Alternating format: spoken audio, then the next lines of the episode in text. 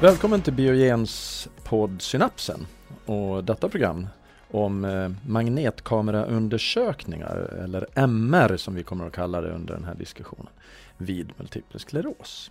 Jag heter Leif Lom och arbetar för läkemedelsföretaget Biogen som fokuserar på området neurologi. I Synapsen vill vi belysa hälso och sjukvårdsämnen som ligger i tiden med hjälp av inbjudna gäster som får utveckla sina tankar inom sitt specialområde. Gäst och expert i dagens program är Anders von Heine, radiolog och överläkare vid Danderyds sjukhus. Berätta lite mer om vem du är och vad du gör. Ja, Danderyds sjukhus ligger i norra Stockholm och där ansvarar jag för just MR-verksamheten. Jag har haft förmånen att få jobba med det sedan 1992 så det börjar bli några år nu. Eh, och jag jobbar väldigt mycket med just neuroradiologi och samarbetet med våra neurologer, inte minst kring MS. Eh, men jag har många andra saker man tittar på också. Det blir ju en bred verksamhet på ett stort sjukhus. Eh, just multipel skleros som du nämnde då är en allvarlig neurologisk sjukdom som ger inflammationer i hjärnan som orsakar eh, funktionsbortfall på både kort och lång sikt för patienterna som drabbas. MR-undersökning är ett viktigt verktyg för att ställa diagnos och för att följa sjukdomsutvecklingen. Anders, du ska hjälpa oss att Eh, bättre förstå hur det går till och varför det är så viktigt. Kan du förklara vad MR är och hur det fungerar? Ja, vi kan ju börja med förkortningen. Eh, MR står för magnetisk resonans. Eh, officiellt ska det vara ett T på slutet också, MRT, och då betyder T tomografi eller skiktavbildning. På engelska heter det MRI och då står I för imaging eller avbildning. Det är de här stora tunnelformade apparaterna som vi använder. Man kan fundera på varför de ser ut som tunnlar och det beror på att vi eh, tekniskt sett har lättast att skapa väldigt stora och starka magnetfält med en tunnelformad magnet. Egentligen är den här tunneln som en rörformad termos och i den så ligger det en elektromagnet och den är nedkyld med flytande helium. Och då kan man ha väldigt starka strömmar som rör sig i den och skapar väldigt starka magnetfält. De vanligaste magnetkamerorna har magnetfält som är 30 eller 60 000 gånger starkare än vad jordens magnetfält är. Det går att bygga magnetkameror på andra sätt eh, än de här tunnelformade men de får då lite tekniska begränsningar i vilka typer av bilder de kan göra och eh, hur fort det går. En sån öppen magnetkamera kan till exempel se ut som en jättestor hamburgare men utan kött. Och där ligger man då och det kan också vara bra för Eh, om man har problem med till exempel cellskräck och tycker att de tunnelformade magneterna är, är besvärliga att undersöka sig. Den ser ut som den gör av tekniska orsaker helt enkelt. Det finns egentligen just vad gäller multipel skleros inte så många andra metoder vi har att erbjuda. Man kan undersöka hjärnan med datortomografi men just multipel sklerosförändringar syns väldigt dåligt på den. De här starka magnetfälten innebär också vissa risker om man har metall inopererat i kroppen. Eh, oftast går det bra att undersöka eh, i magnetkamera eller MR även om man har till exempel en höftprotes.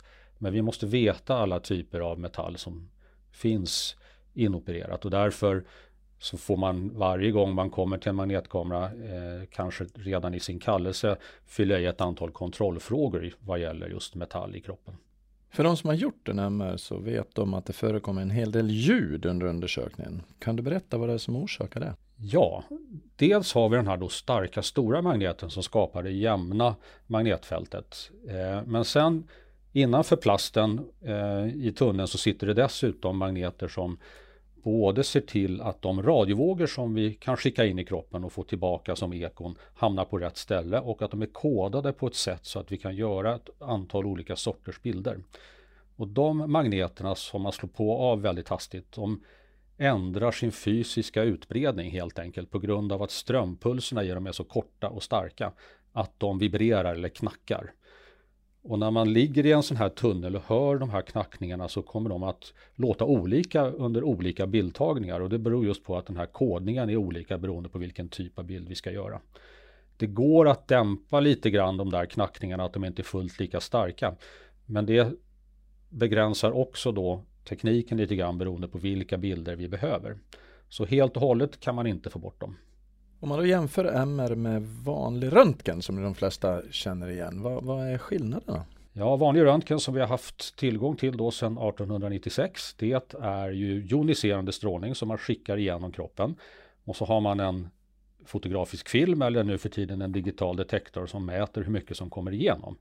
Och vanlig röntgen stoppas till exempel av ben och av metall eh, men inte speciellt bra av luft eller fett eller muskler och sånt. Eh, men när man ska titta på hjärnan då måste man ju se del, hur hjärnan ser ut. Med en vanlig röntgenbild så får man ju hela huvudet. Både ben och mjukdelar och allting på en gång och då kan man inte särskilja vad som finns innanför benet. Eh, så vanlig röntgen funkar inte speciellt bra för att titta på ryggmärg och hjärna. Eh, men till skillnad då från vanlig röntgen så har magnetkamera inte sån här joniserande strålning utan jobbar med radiovågor. Så att den har en bättre säkerhetsprofil.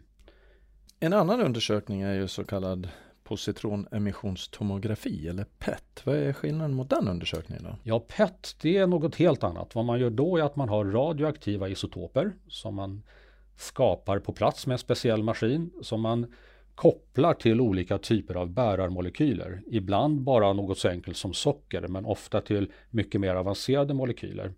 Och sen så sprutar man in det i blodet och så tar sig de här molekylerna tillsammans med isotopen till olika delar av kroppen. Och så kan man ta bilder av hur de fördelar sig. Eh, och det är då en väldigt avancerad metod. Den är oftast kopplad till i samma maskin antingen en datortomograf, alltså en röntgenbaserad skiktröntgen eller en magnetkamera. Eh, så att man kan få både bilder av hur hjärnan ser ut och hur den här radioaktiva isotopen fördelar sig. Och med den metoden tittar man kanske mer på hur saker fungerar, metabolism och sådana saker, än hur de ser ut. Så då är det bra att kunna koppla bilder av hur hjärnan ser ut med hur hjärnan fungerar i olika delar. I förhållande till multipel skleros så är det väldigt mycket en forskningsmaskin. Vid MS då, varför är MR ett så viktigt instrument för att kunna diagnostisera och följa förloppet? Ja, MR har då flera olika roller eh, vid MS. Precis som du sa Leif så använder vi det när man ställer diagnos men också för att följa sjukdomen och behandlingseffekter.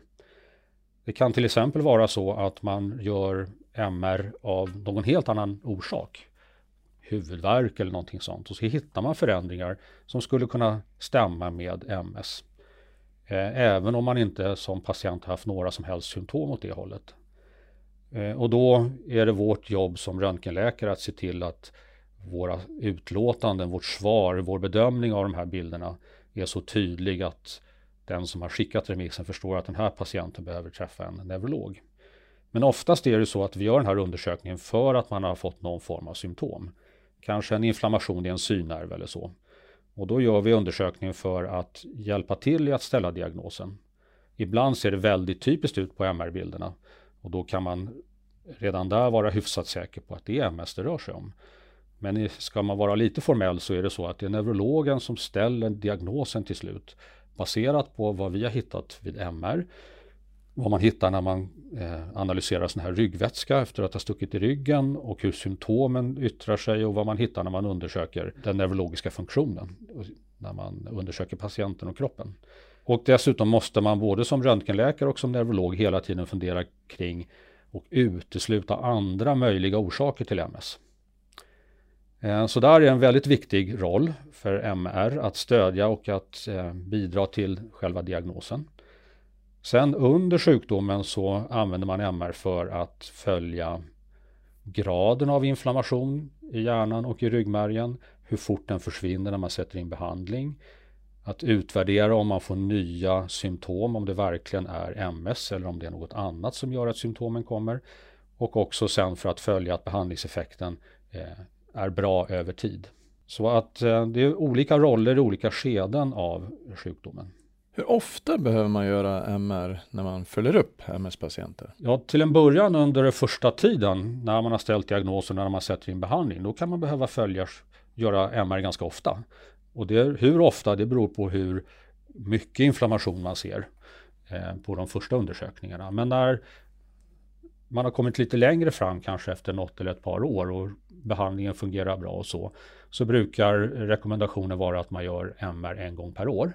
Finns det riktlinjer som slår fast det här också? Då? Hur man ska använda MR och hur ofta och så vidare? Mm. Hur vi gör, vilka bilder vi tar, det har vi svenska riktlinjer för, nationella sådana. De eh, var jag med om att författa 2015. Så länge har de funnits och 2015 eh, kom det nästan exakt likadana riktlinjer om hur man använder magnetkameran vid MS i USA och i Europa och i Kanada och så. Eh, och de ser nästan exakt likadana ut oavsett vilket land man bor i.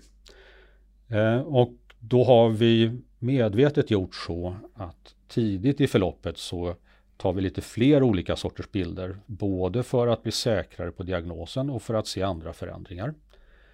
Sen när man gör kontrollerna då kan man göra ett lite kortare bildtagningsprotokoll som går fortare.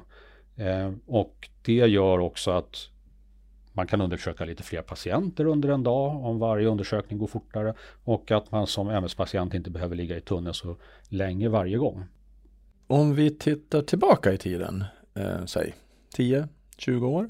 Hur har MR-undersökningarna förändrats? Ja, det är en intressant resa. Som sagt, jag började med MR på allvar i juni 1992. Och det har kommit ganska många tekniska utvecklingar sedan dess. Då tog undersökningar mycket längre tid. Det var tjockare snitt eh, med sämre upplösning och många av de bildtyper som vi gör idag kunde man överhuvudtaget inte göra då.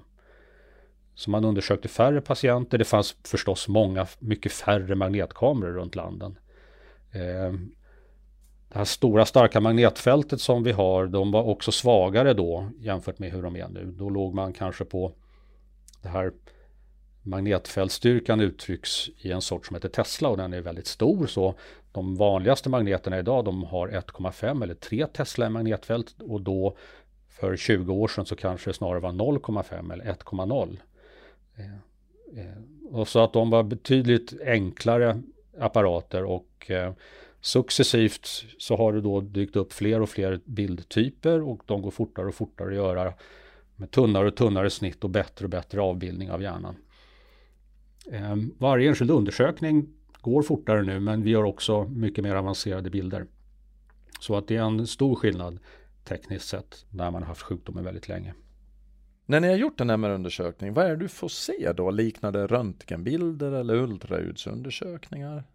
Nej, magnetkameran ger snittbilder. Det vill säga nästan som kortlekar med tunna snitt som ligger efter varandra och som ger en bild nästan som sågar upp hjärnan i, i tunna snitt som vi kan titta på en efter en.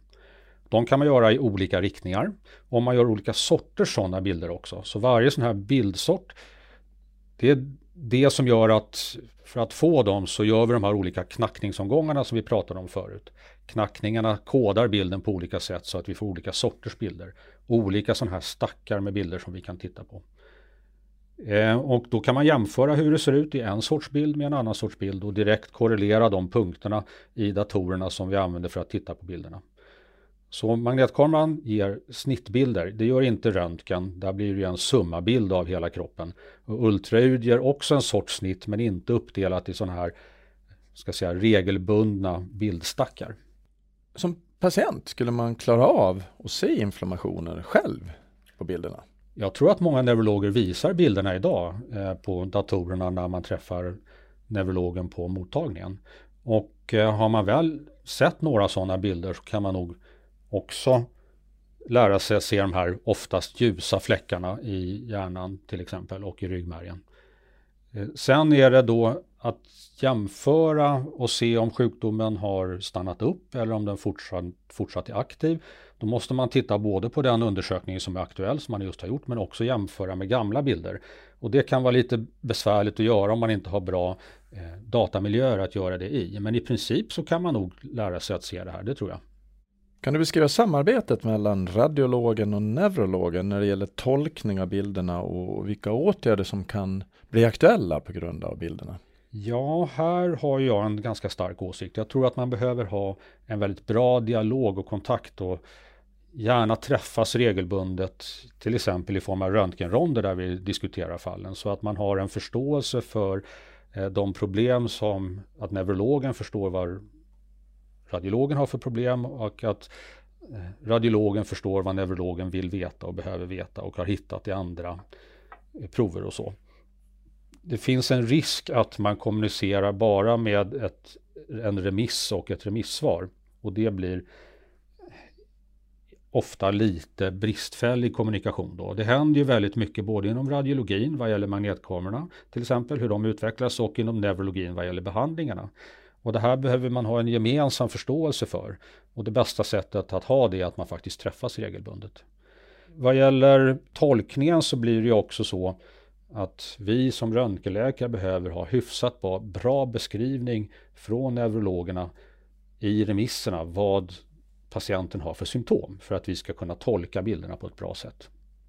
Och vi måste ha ett sätt att uttrycka oss i våra svar, vår bedömning av bilderna som neurologerna kan tolka på ett korrekt sätt och förstå. När en neurolog eh, bestämmer sig för att skriva en remiss för MR-undersökning, vad är det som händer sen? Ja, idag så skrivs den då i journalsystemet och överförs till röntgens journalsystem. Eh, det tror jag många patienter inte vet om, att röntgenavdelningarna i Sverige har eh, egna egenutvecklade system som är anpassade just för röntgenverksamhet.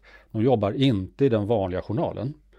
Så att eh, det händer förstås att vi går in och läser den vanliga journalen när vi behöver mer information eller kontrollerar något blodprov eller så. Så då överförs den här remissen elektroniskt till röntgen och då hamnar den hos en röntgenläkare som tittar på den. För det vi behöver göra då är att prioritera den, bestämma vilken typ av bildtagning vi ska ta, vilket protokoll vi ska använda och när i tiden undersökningen ska göras. Eh, och då behöver vi som sagt veta Ska patienten göra den här inför något visst datum där de ska komma på en kontroll så att svaret behöver vara klart då. Vilken behandling har patienten? När sattes den in? Är det nya symptom eller är allting frid och fröjd? Är det en vanlig kontrollundersökning då kan det här vara väldigt kortfattad remiss. Men är det någon som har insjuknat igen då kan man behöva eh, ha en remiss som är mera omfattande. Eh, ibland så kan det vara så att vi tycker att vi inte får all information vi behöver. Då ringer vi till den som har skrivit remissen och diskuterar. Sen när det här är gjort, då bokar man en tid och så kommer patienten få en kallelse, går igenom säkerhetskontrollerna, att de inte har någon metall i kroppen och sådär. Gör undersökningen, åker hem igen.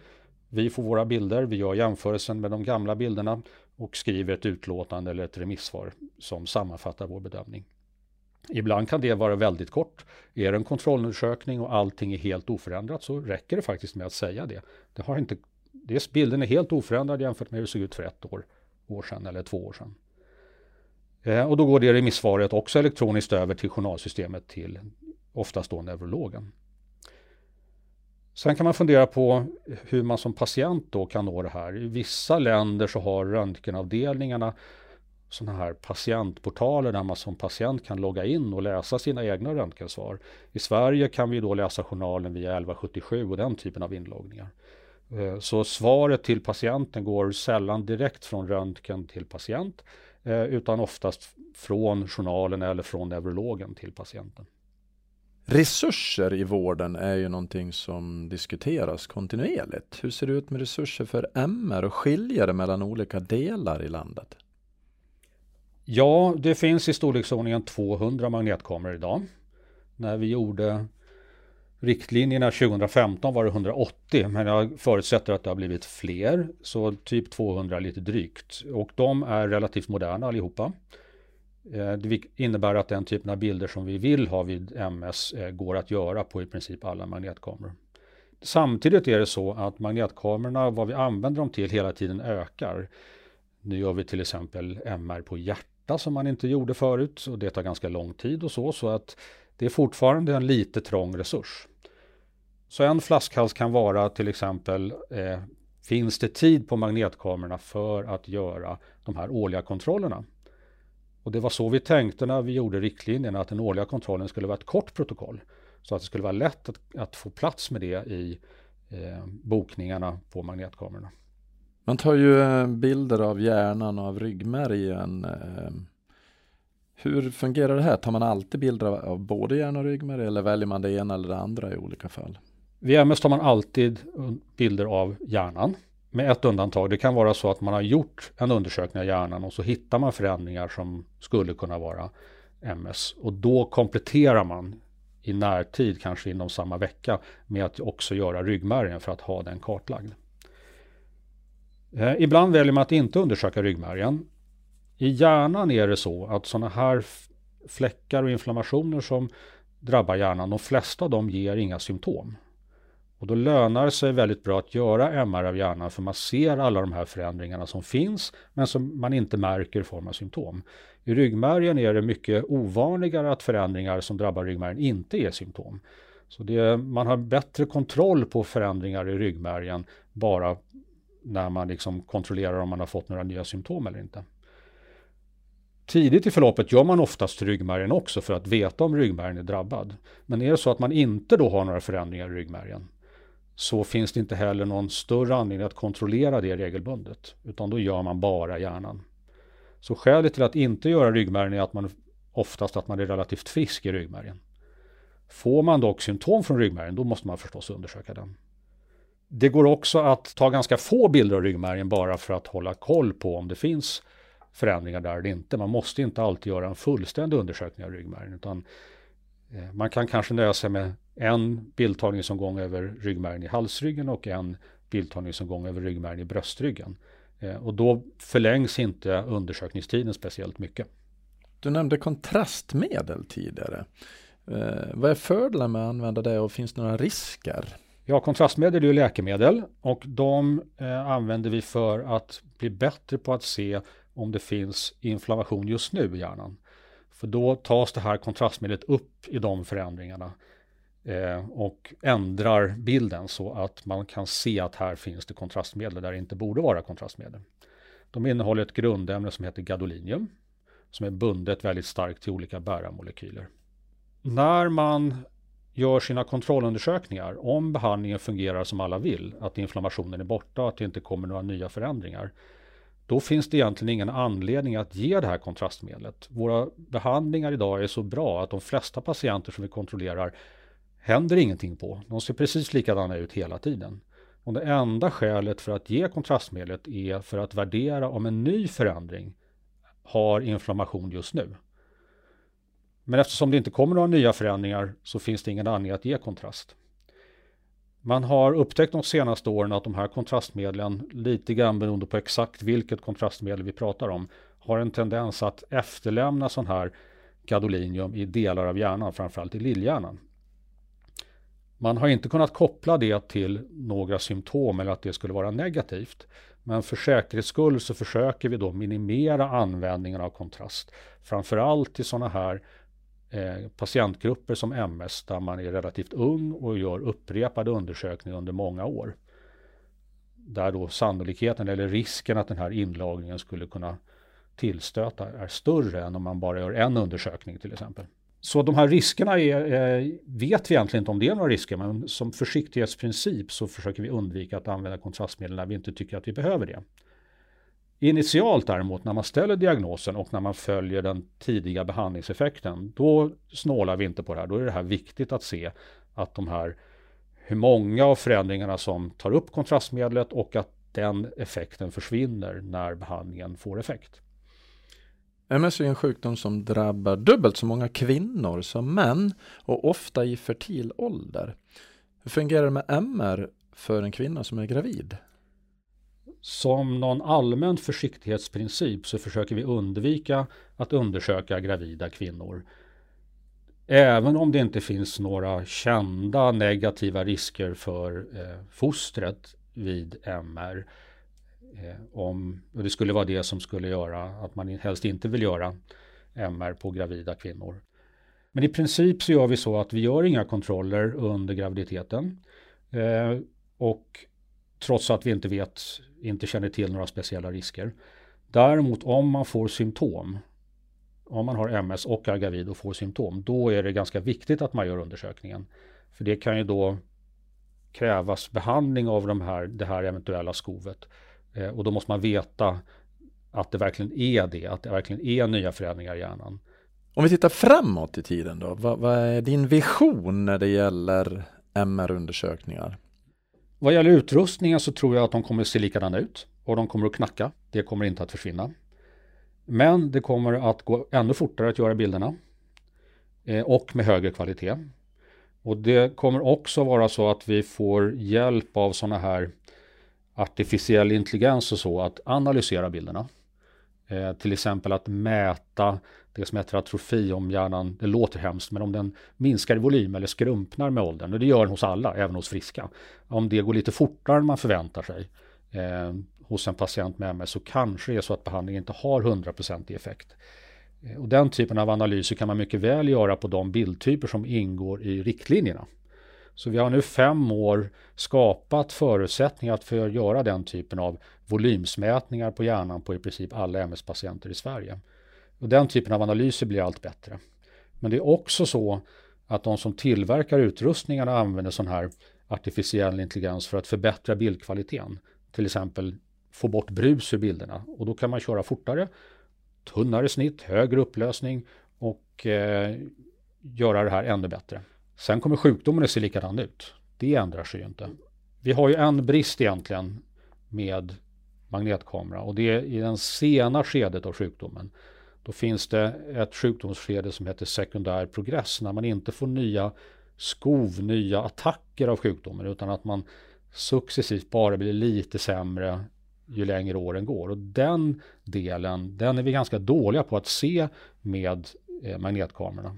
Och där hoppas man ju att det kommer forskning som visar att jo men om vi gör den här typen av bilder, då kan vi se när, när vi börjar närma oss den gränsen, när sjukdomen börjar ändra karaktär.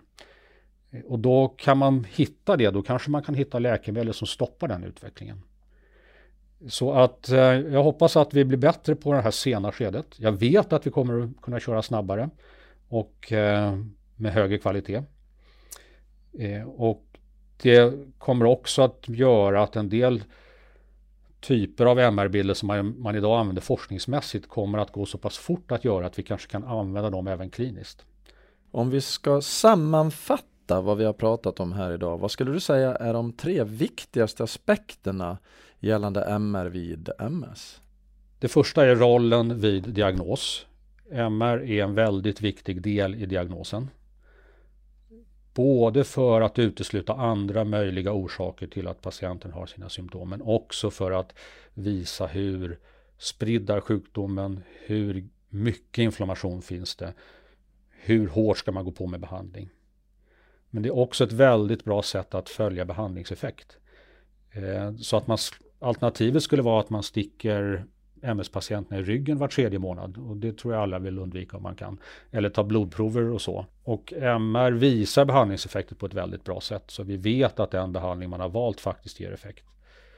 Och det är också en väldigt viktig del i kontrollen och uppföljningen av eh, MS-patienter. Så har man sjukdomen så ska man eh, definitivt gå på sina kontroller. Har man ansvaret att se till att fördela resurser till sjukvården så är det här ju unga människor som vi kan hålla i arbete och så genom alla de behandlingar som finns så att de bidrar till samhället istället för att kosta pengar om man utvecklar olika typer av handikapp och så.